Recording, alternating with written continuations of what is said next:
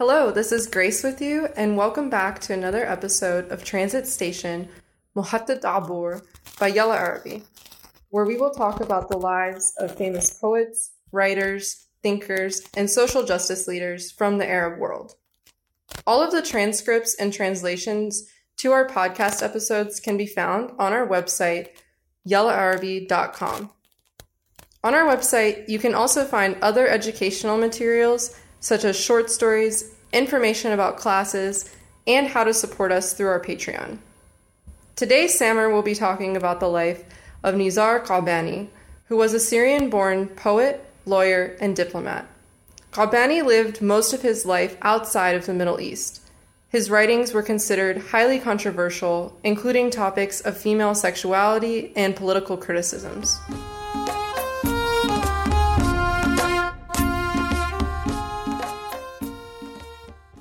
نزار قباني دبلوماسي وشاعر سوري معاصر.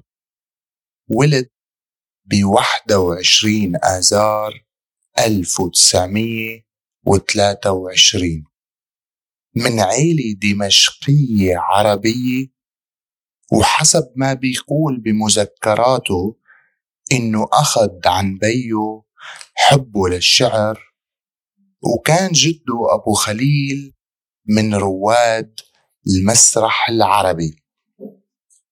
طبعا هذا كان بداية نزار بطريق الشعر ونشر أول دواوينه الشعرية وهو عم يدرس حقوق بالجامعة درس حقوق بالجامعة السورية وبس تخرج بال 1945 التحق بالوزارة الخارجية السورية. وبنفس السنة تعين كسفير سوريا بمصر. وبعدها سفير سوريا بلندن لسنتين. وتعلم الإنجليزي وصار طليق فيها. بعدين تعين كسفير بتركيا بعدين الصين وأخيرا إسبانيا. وصار ينتقل بين البلدان لحتى قدم استقالته بال 1966 وكان نزار بال 1939 برحلة مدرسية بحرية لروما.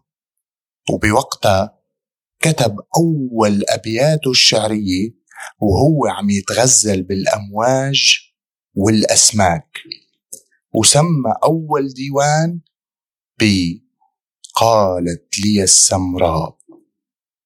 وطبع هذا الكتاب على حسابه وأثارت قصايد هالديوان جدل كبير بالأوساط التعليمية. وكتب له مقدمة الديوان رجل القانون والسياسي منير العجلاني يلي حب كتير قصايد نزار.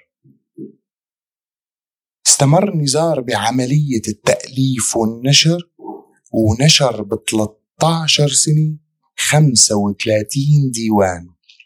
أشهرها بالرسم بالكلمات حبيبتي قاموس العاشقين أبجدية الياسمين. وكتير.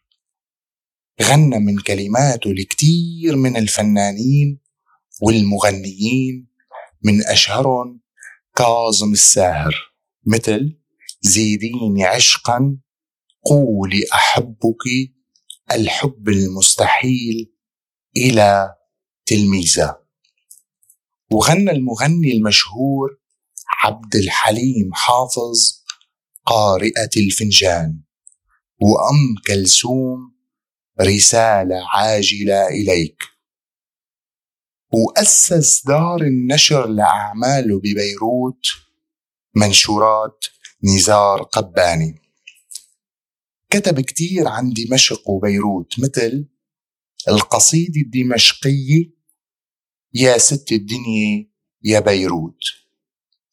وسببت حرب ال 1967 يلي بسموها العرب النكسة تغيير بنمطه التقليدي كشاعر الحب والمرأة لشاعر السياسي. أثارت قصيدته هوامش على دفتر النكسة ضجة كبيرة بالوطن العربي. وكانت هالقصيدة سبب لمنعه من نشر أشعاره بوسائل الإعلام. وبالنسبة للمآسي اللي مرت بحياة نزار كان أكبرها انتحار أخته يلي جبروها أهلها بالزواج من حدا ما بتحبه. وهالشي أثر على كتابة نزار كتير.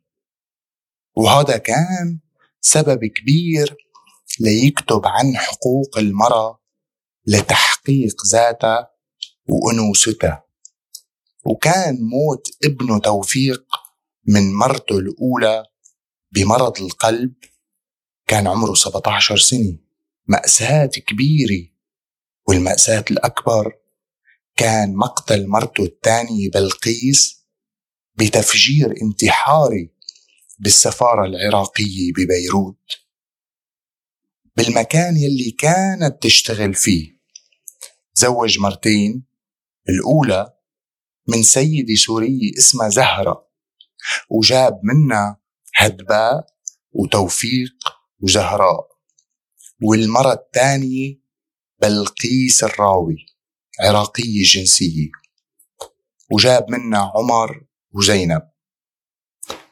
كان موتها أثر نفسي سيء لنزار ورساها بقصيدة مشهورة اسمها بلقيس. بعد وفاة بلقيس رفض نزار يتزوج وترك لبنان وصارت حياته بين باريس وجنيف. وآخر شيء استقر بلندن يعني قضى آخر 15 سنة من حياته واستمر بنشر دواوينه وقصايده المثيرة للجدل مثل متى يعلنون وفاة العرب والمهرولون؟ بال 1997 كان قباني عم من بعض المشاكل الصحية. توفى ب 30 أيار 1998 بعمر ال 75 سنة بلندن بأزمة قلبية. كتب بوصيته يندفن بدمشق يلي وصفها بالرحم يلي علمني الشعر ويلي علمني الإبداع ويلي علمني أبجدية الياسمين.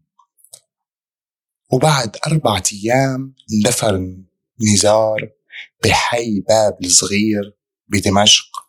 شارك بالجنازة كل الأطياف والفنانين السوريين والعرب.